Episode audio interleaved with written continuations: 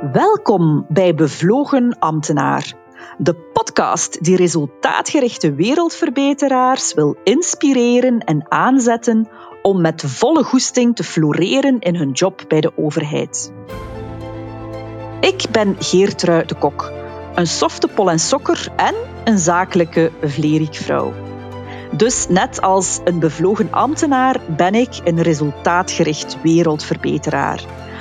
Al ruim tien jaar mag ik als extern procesbegeleider bakens verzetten samen met de meest fantastische ambtenaren. Bij allerlei overheden en openbare instellingen breng ik frisse inzichten en maak ik ruimte voor bevlogenheid. Zo won mijn klant, de stad Gent bijvoorbeeld, de prijs van de Verenigde Naties voor Climate Change Action met speciale vermelding voor het participatieve karakter van het project. En ik ben daar best wel fier op, want precies daarvoor huren klanten mij doorgaans in.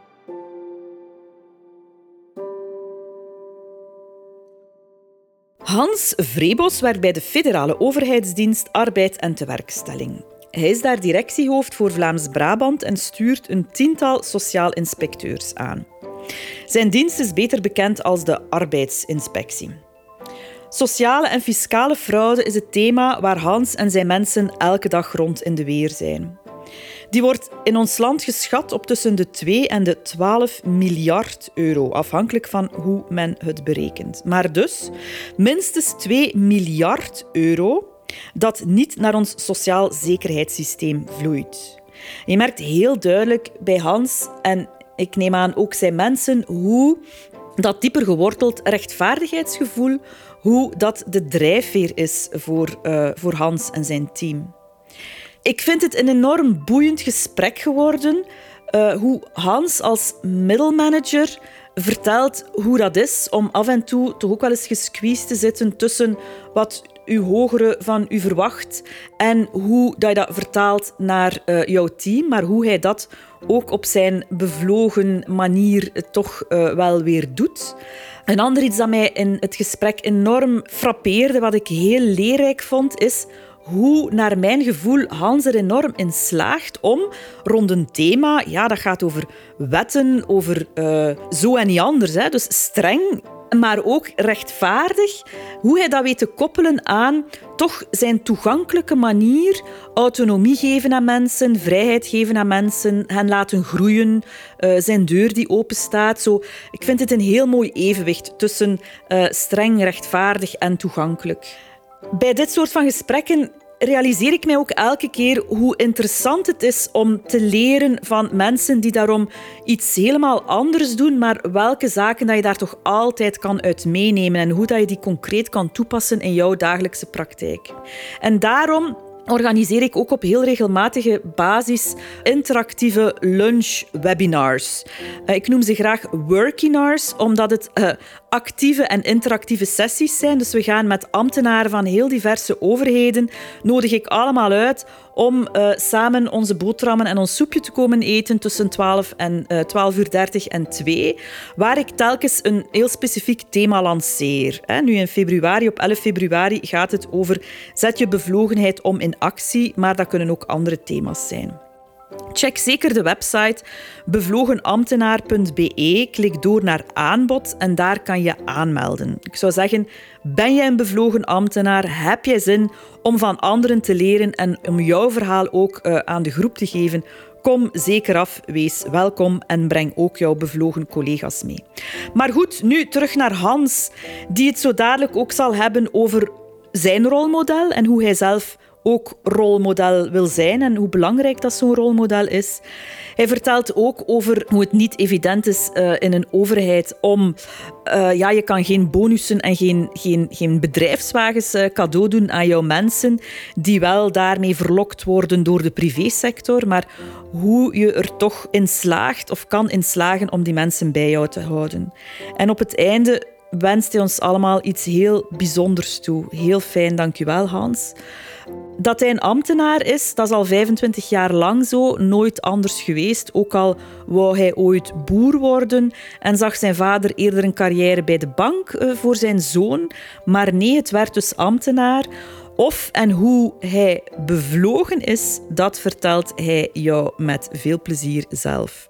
Veel luistergenot met Hans Vrebos. Dus 25 jaar ervaring als ambtenaar. Ja. En bevlogen, omdat ik nog altijd met veel plezier s morgens mijn kantoor binnenstap. En zoals elke ambtenaar, denk ik, een hoger doel nastreeft. En in mijn geval is dat ervoor zorgen dat het, uh, ja, dat het sociale zekerheidssysteem in stand kan gehouden worden. Enerzijds en ten dienste staan van de burger anderzijds. Mooi, we gaan het daar zeker nog straks over hebben. Maar dus sociale inspectie, hè, wat moet ik mij daar dan bij voorstellen? Wat, wat houdt dat dan in, uh, uh, zo'n job? Waar, waar, ga je dan inspecteren? Wat moet je inspecteren? Ja, vooral, dat ligt nogal gevoelig in, omdat je zegt sociale inspectie. Het zijn de sociale inspectiediensten, we zijn met zeer veel. Wij zijn eigenlijk de arbeidsinspectie, dat is niet hetzelfde. Okay. Dat, is, dat is dikwijls nogal, dat is nogal een gevoelig item. Mm -hmm. um, maar ja, wij controleren uh, ondernemingen uh, op de naleving van de sociale wetgeving, op de naleving van de collectieve arbeidsovereenkomsten, de lonen, de feestdagen enzovoort. enzovoort. Dus dat is een heel, heel ruime materie.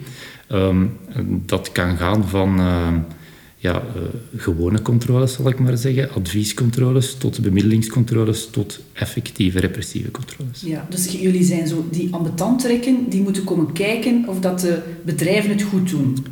Ach ja, we worden graag zo gepercipieerd natuurlijk, hè, als, de, als de slechterik die dan uh, binnenkomt uh, in de onderneming. Maar ik denk dat dat maar, uh, ja, ik, ik, denk dat, dat, dat is echt maar een klein deel eigenlijk. We, we zijn veel meer bezig met het adviseren de beelden. We hebben diensten uitgebouwd. We hebben een eigen contactcentrum, maar we worden heel veel gecontacteerd door mensen die de weg binnen de complexiteit van inspectiediensten niet meer terugvinden en dan op ons beroep doen om hen te helpen. Mensen doen bijvoorbeeld op ons beroep om, uh, ja, wanneer dan hun loon bijvoorbeeld niet tijdig betaald is, of uh, wanneer dat ze uit dienst zijn, ze kunnen bij de volgende werkgever niet starten omdat ze een aantal documenten niet hebben ontvangen. Ik kan nog zo een, een voorbeeld geven hoe hoe ernstig dat, dat soms wel kan zijn. Dat mensen een uh, mailtje sturen omdat ze tegen de kerstperiode hun loon niet gekregen hebben. En andere werknemers bijvoorbeeld wel. En daardoor geen cadeautjes kunnen kopen voor hun kinderen. Dus dat soort dingen trachten wij dan toch uh, ons steentje bij te dragen en snel op te lossen. Ja, okay. Maar dat zijn de individuele, kleinere gevallen. We dragen natuurlijk ook heel wat grotere dossiers. Maar dat heeft dan te maken met dumpingdossiers of uh, zware sociale fraude. Ja. Ik wil van Hans nog wat meer horen over die bevlogenheid. Hoe is dat voor hem als persoon? Wat zijn voor hem randvoorwaarden om te kunnen bevlogen zijn en bevlogen blijven? En heel specifiek vanuit zijn positie als middelmanagement, is dat specifiek en hoe gaat dat dan? Hoe is dat voor hem? Hoe kijkt hij daarnaar? Die bevlogenheid, dat is um, veel ruimte en marge krijgen om uh, mijn dienst te mogen vertegenwoordigen bij andere diensten. En dat krijg ik ook. Als ik zie... Uh, hoe dat ik eigenlijk in contact kan gaan met, met, uh, met, de, met de rechtbanken, met voorzitters, uh, met arbeidsauditeurs, met gouverneurs, met uh, politiezonechefs. Dus er wordt wel veel vertrouwen in mij gesteld. Um, en dat is wel een fijn gevoel, dat houdt u bevlogen, dat je toch um, de dienst kan vertegenwoordigen en dat vertrouwen krijgt om dat ook uit te voeren in de praktijk. Omdat het toch altijd afwisselend is, ja, omdat het leerrijk is voor mezelf ook. Uh, omdat het uh, het collectief is, samenwerken met andere diensten. Um, ja, je leert van elkaar. Uh, ik leer daaruit en ik kan ook communiceren dan naar mijn leidinggevende toe um, hoe het op het terrein eraan toe gaat. En hopelijk kan er dan misschien eens rekening mee gehouden worden soms, ja. in de mate van het mogelijk. Ja, ja, dus toch wel die boodschap van onderuit naar boven kunnen doorgeven en zo mee het verschil kunnen maken? Ik denk dat dat de essentiële functie is van een middelmanagementfunctie. Mm -hmm. um, ik vind dat vaak een onderschatte functie, die middelmanagementfunctie. Uh, ik zeg altijd, als de, de manager die daar zit met niet genoeg lijm is aangebracht over zijn barstjes in die lijm, dan heeft de leiding, uh, de hiërarchie, een probleem. Want uh, ja, middelmanagement wordt bevraagd van van onder, van links, van boven, van van onder, van de inspecteurs die praktisch op het terrein antwoorden willen van de mensen waarmee je samenwerkt aan de zijkant, andere inspectiediensten die hun eigen agenda hebben en soms een verschillende agenda hebben. En dan natuurlijk van je eigen leiding, hè, die verwacht dat je je beleid loyaal uitvoert op het terrein. Mhm. Dus dat is soms wel een, een, een moeilijke. Ja, ja, ja, schipperen en zoeken soms. Ja.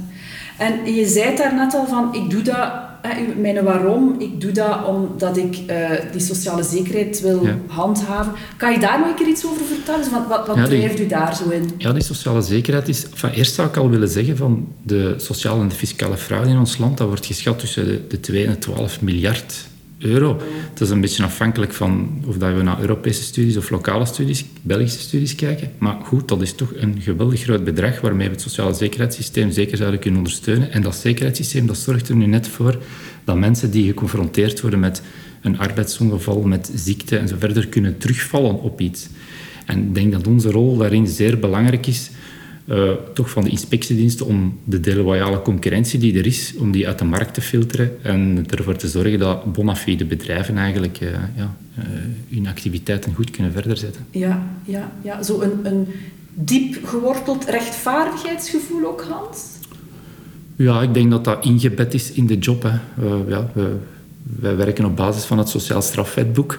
Dus ja, op basis van wetteksten, artikels, eh, collectieve arbeidsovereenkomsten, die zijn afgesloten tussen partners binnen de ondernemingen, vakbonden en werknemers. En uh, ja, we, verwachten toch wel dat, die, dat die zaken worden nageleefd en daarvoor zijn we er.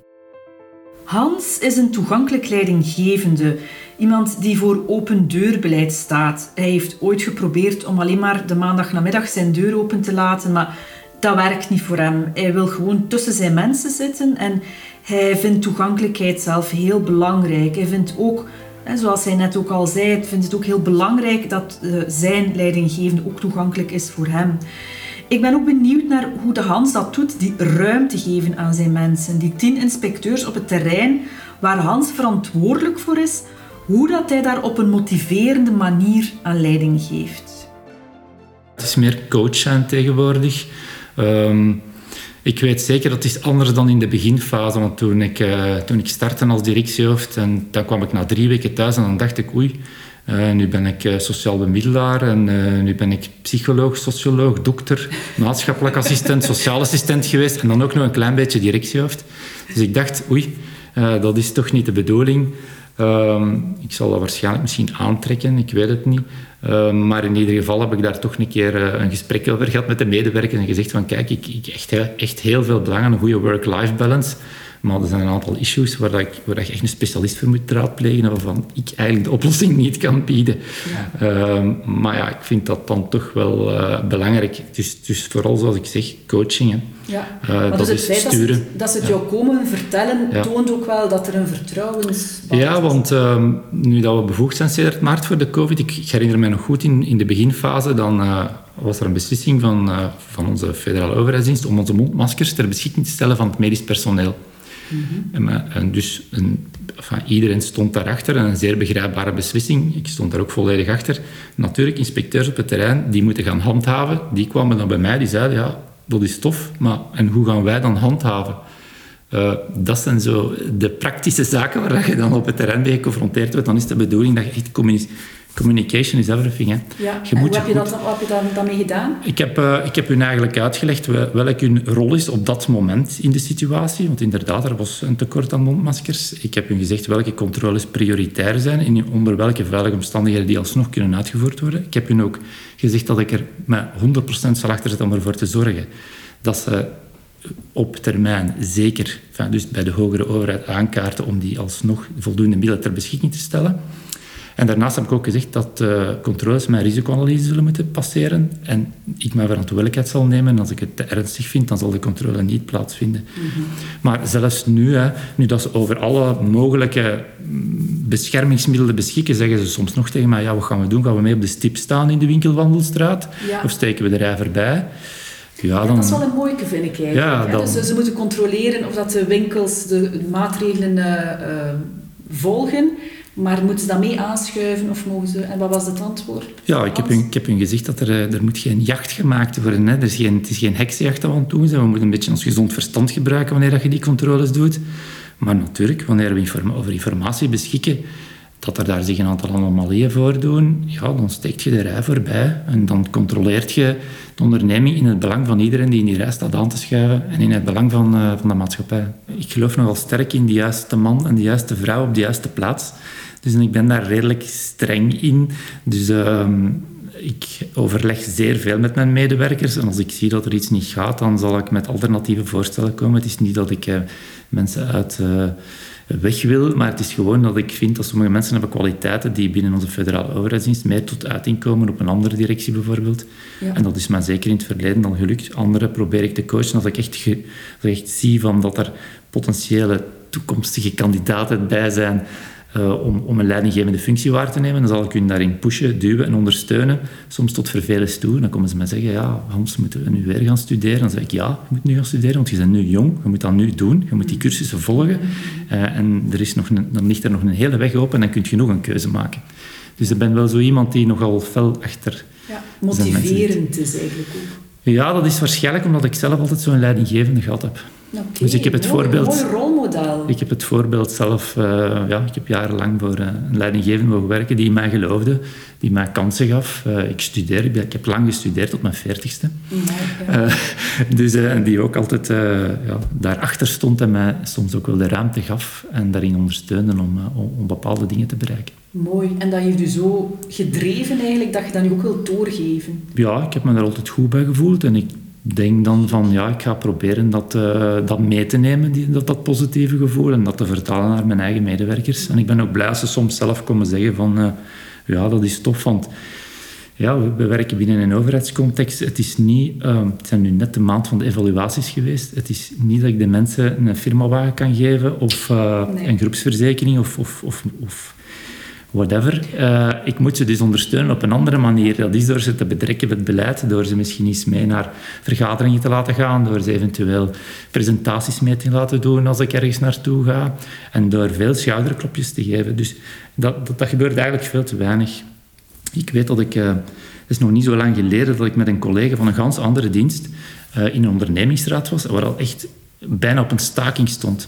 En die collega heeft ervoor gezorgd dat die staking eigenlijk niet is doorgegaan en dat er echt een consensus was tussen de partijen, terwijl het al een jaar een problematiek was. Enfin, ik heb naar dat directiehoofd een uitgebreide brief gestuurd om te zeggen, uw medewerker heeft dat daar fantastisch gezien. Ik zat op de eerste rij, ik ben daar getuige van. Wow. Dus uh, dat zijn dingen dat te weinig gebeuren. We zeggen altijd vaak, wat niet goed is, je moet misschien wel meer de nadruk leggen op wat dat wel goed is. Ja, amai, mooi. Want uh, naast het feit dat je geen bedrijfswagen kan geven en geen bonus en wat is het allemaal er staat ook mensen staan ook wel onder druk, want die worden uh, benaderd door, door de privé om daar te gaan werken. Uh, dus dat komt er ook nog een keer bij, denk ik. Hoe, hoe, zit dat dan?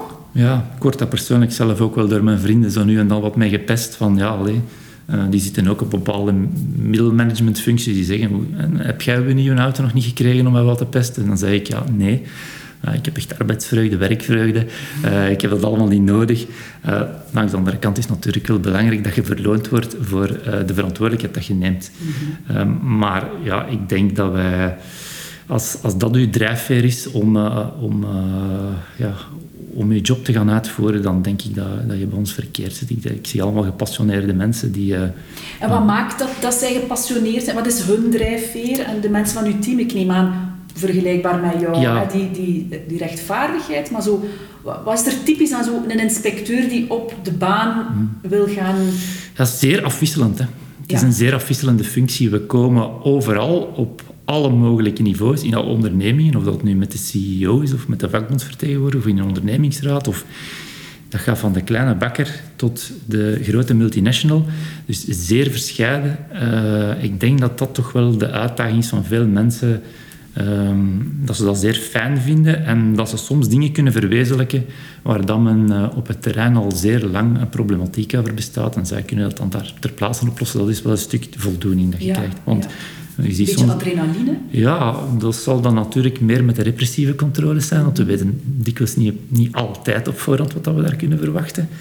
Um, dat zal er ook een stukje mee te maken hebben waarschijnlijk. Um, maar ja, het is het geheel. Ja, ja.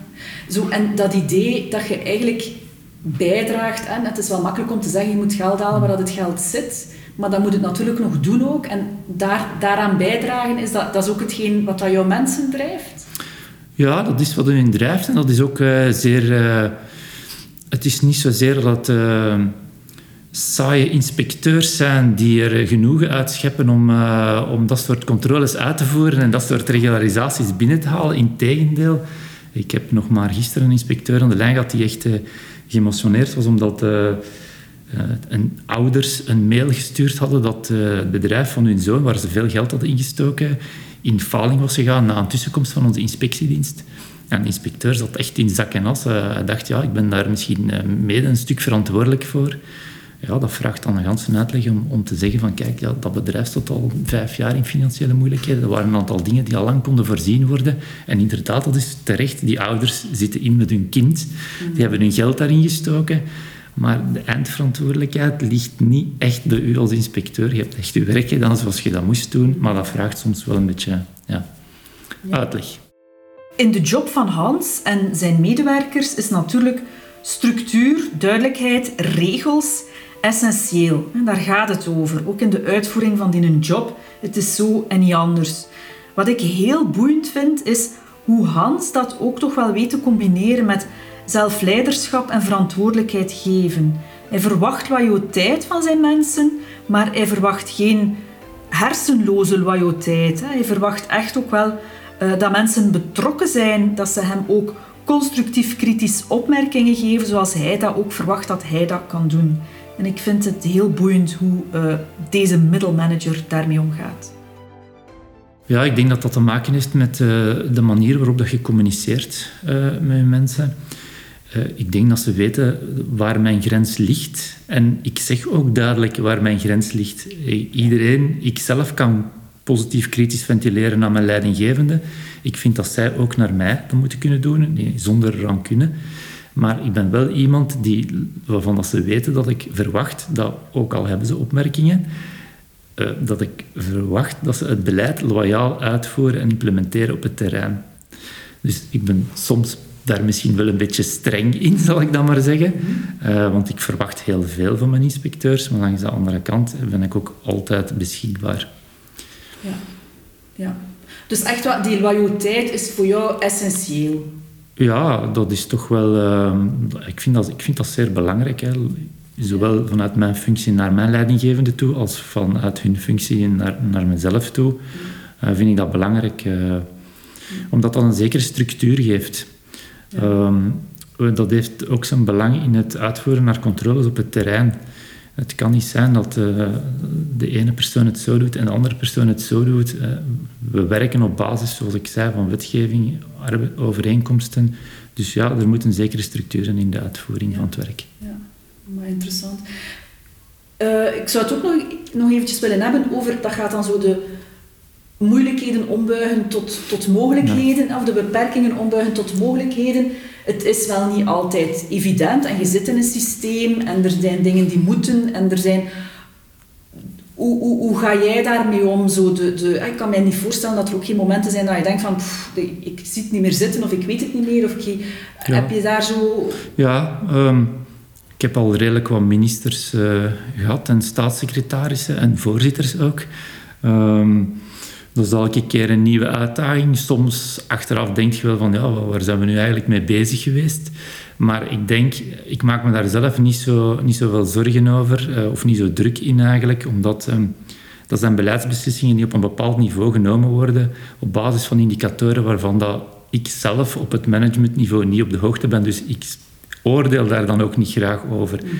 Dit gezegd zijnde, van, ik hoop dat hij me dan niet kwalijk gaan nemen als hem dit ooit hoort, maar we hebben nu, ik heb het nog nooit meegemaakt, eh, een visionaire voorzitter die denkt in termen van uh, een, een, lange termijnplan, 2024, die denkt in termen van ISO-normen, kwalitatief denken, evidence-based wetenschappelijk onderzoek.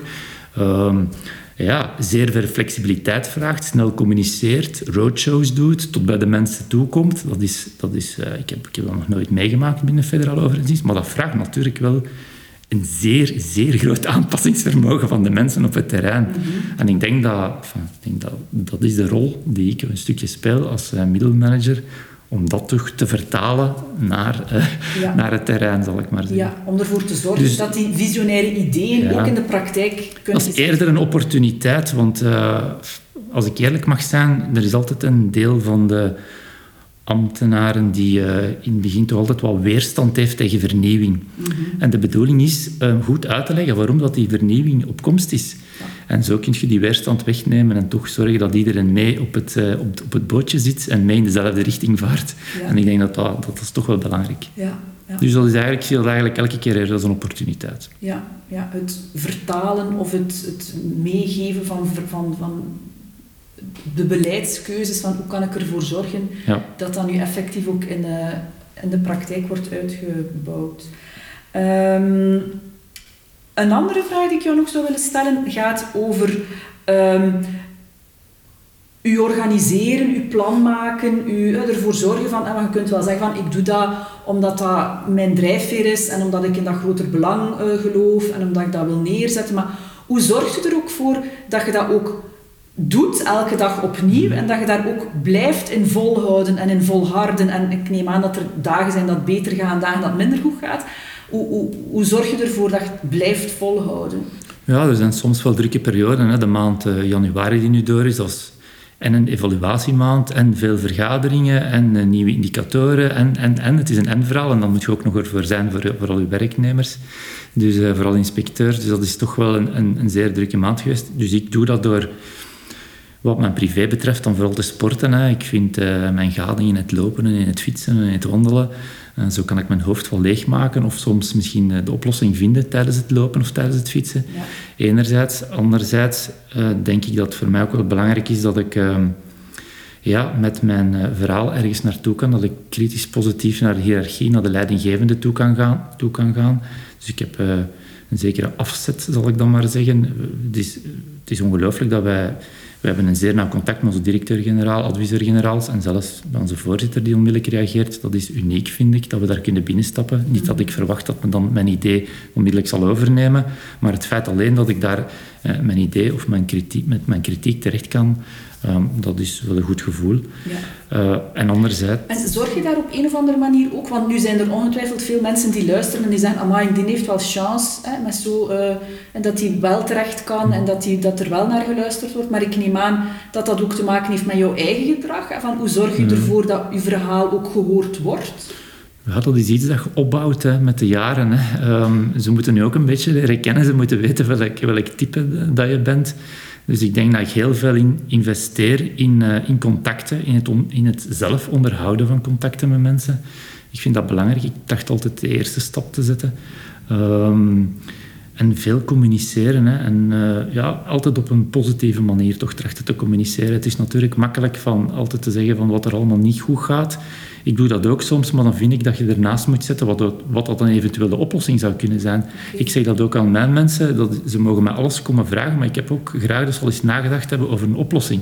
Als het alleen maar is uh, om te zeggen van ja, we komen naar u toe voor de oplossing, ja, ik weet dat ik in de beginfase was. Dan dacht ik, ja, ik ga voor iedereen de oplossing geven. Hè. Dan, dan, dan ben ik blij, dan zijn zij blij, ik ben, en het is in orde. Maar eigenlijk zo werkt het niet.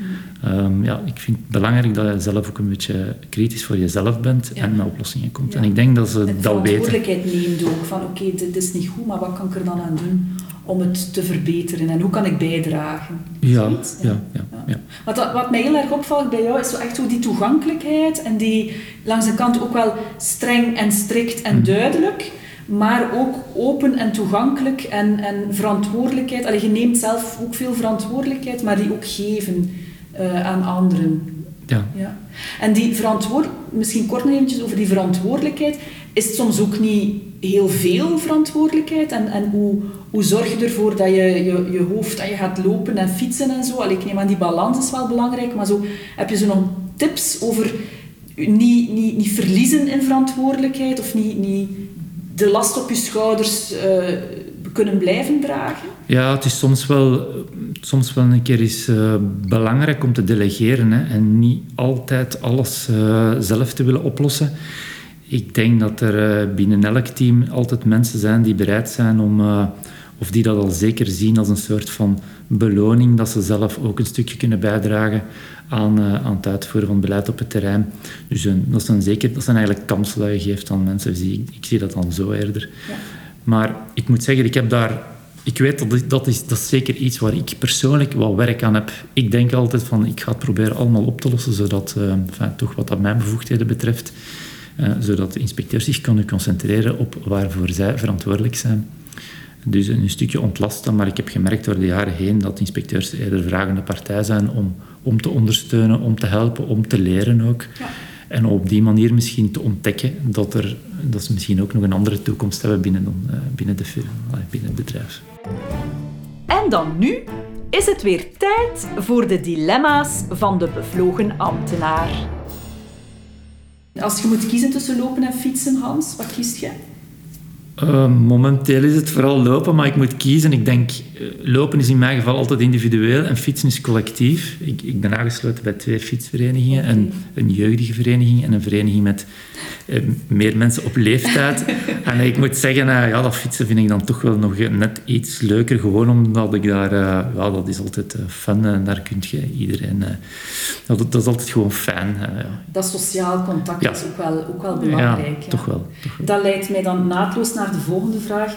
Als je zou moeten kiezen, altijd thuiswerken of altijd op kantoor werken? Ja, dat is in mijn geval een heel, heel eenvoudige vraag. Ja. Altijd op kantoor eigenlijk. Ja. Ik, zit graag, uh, ik zit graag tussen mijn mensen. Ik heb ook graag dat mijn mensen zien dat ik aanwezig ben, beschikbaar ben, bereikbaar ben. En dat ze ook zien werken, doet werken. Hè. dus uh, ja, ik ben wel... Uh, nee, ik kies zeker om altijd naar kantoor te gaan. Ja, die toegankelijkheid ook letterlijk. Ja. Die deur die open staat de bal voor de goal leggen of hem er zelf intrappen, Hans? Um, ja, ik ben iemand die liever op de achtergrond blijft, dus uh, liever de bal voor de goal leggen. Ik voel me daar, dus zoals minder privé, ik koop liever een geschenkje voor iemand dan dat ik er een krijg. Ik ben gelukkiger van iets te geven dan van iets te krijgen. Dus... Uh, ja, ik heb zo wel denk ik al een aantal dingen verwezenlijkt waarvan eigenlijk niemand gewoon weet dat, dat ik daarachter zit. Uh, Maar ik...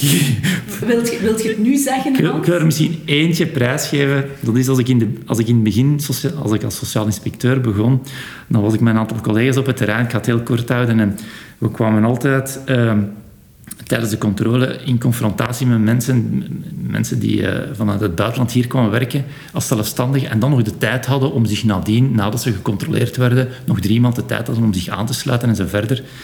Ja, ik heb dan een keer mijn stoute schoen aangetrokken. Ik heb dan direct een mail gestuurd naar de staatssecretaris destijds. Ik werd ontvangen op zijn kabinet door de staatssecretaris zelf, door de kabinetchef. Ik heb dat daar helemaal mogen uitleggen.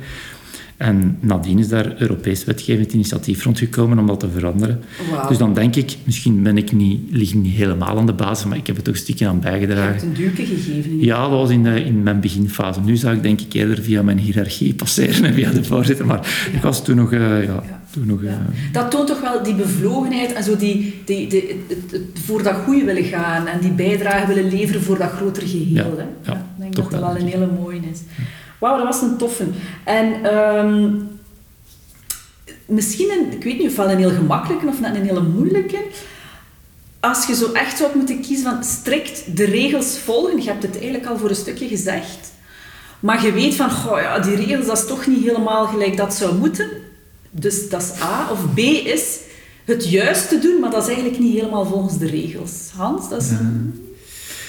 Ik denk dat ik uh, helaas nu precies moet teleurstellen, maar ik ga, ik ga, ik ga volgens de regels werken. Uh, ja, dat is, uh, dat is een houvast om, om, om iedereen op dezelfde manier te kunnen behandelen, ja, eigenlijk. Ja. Wat, niet, wat niet wil zeggen dat ik geen, geen aandacht heb voor eventuele factoren die er kunnen toegeleid hebben dat die regels niet strikt zijn opgevolgd. we zijn ook maar mensen en sommige zaken zijn ook begrijpbaar. Ik geef misschien een voorbeeld wanneer iemand alleen, er alleen voor staat en een, en zaak heeft, bij wijze van spreken, en ernstig ziek is geworden. En door die ernstige ziekte in een bepaalde periode ja, een bepaald element van de sociale wetgeving niet heeft kunnen naleven zonder, zonder bewust een overtreding te plegen, ja, dan, dan, ja, dan hebben wij nog altijd de mogelijkheid als sociaal inspecteur om eventueel waarschuwingen te geven of een regularisatie voor te stellen. Dus het is niet dat we onmiddellijk meppen. We luisteren wel naar het verhaal, mhm. maar de basis is natuurlijk wel de regelgeving. Ja, voilà. En ook als ik u dan ook hoor, en dat zijn ook de andere bevlogen ambtenaren, dan ga je ook wel gaan zoeken uit het feit dat je zegt van ik wil ook wel beluisterd worden als ik iets te vermelden heb naar hoger op. Mhm zodanig dat er misschien wel iets aan die regel zou kunnen veranderen als je voelt van dit is niet... Juist. Ja, oké. Mooi. Ehm, en dan, last but not least, is er zo nog iets dat je zou willen meegeven of vanuit jouw job of functie of, of, of gewoon levensvisie waarvan dat je zegt van, goh, dat is toch wel iets... Ja, misschien dan eerder... Uh ja, eerder een tip of een visie, ik weet niet hoe je het moet noemen, uh, of een wens. Ik hoop eigenlijk dat iedereen uh, in de loop van zijn carrière iemand uh, tegen het lijf loopt die in hem of haar gelooft, haar kans, hem haar kansen aanbiedt en dat de persoon in kwestie die kans dan ook met beide handen grijpt en aantoont dat voor hem of voor haar kiezen dat dat de juiste keuze was. Dus eigenlijk hoop ik voor de luisteraar dat zij in hun carrière meerdere van die mensen mogen tegenkomen. Mooi. En jij bent dan, hebt dan zelf zo iemand tegengekomen en bent het nu eigenlijk ook wel voor anderen. Hè? Dat vind ik ook wel een, eh, de aanstekelijke bevlogenheid, zal ik het maar noemen. Heel mooi. Dank je wel, Hans. En nog heel veel succes. Graag gedaan. Dat was het voor vandaag. Ik ben heel benieuwd wat jij van deze aflevering vond en welke inzichten en inspiratie jij eruit hebt gehaald. Vond je het waardevol, dan wil je de volgende afleveringen waarschijnlijk niet missen. En dan kan je abonneren op de podcast in iTunes, Spotify of Google Podcasts. Luister je via Apple, dan maak je mij heel blij door een review te schrijven over deze podcast. Wat je ook kan doen, is hem gewoon doorsturen naar jouw collega's, bevlogen ambtenaren, die er volgens jou ook echt iets aan zouden hebben. En wist je trouwens dat Bevlogen Ambtenaar ook een gratis nieuwsbrief heeft? Surf naar www.bevlogenambtenaar.be en op de homepage vind je de knop om je te abonneren. Tot de volgende!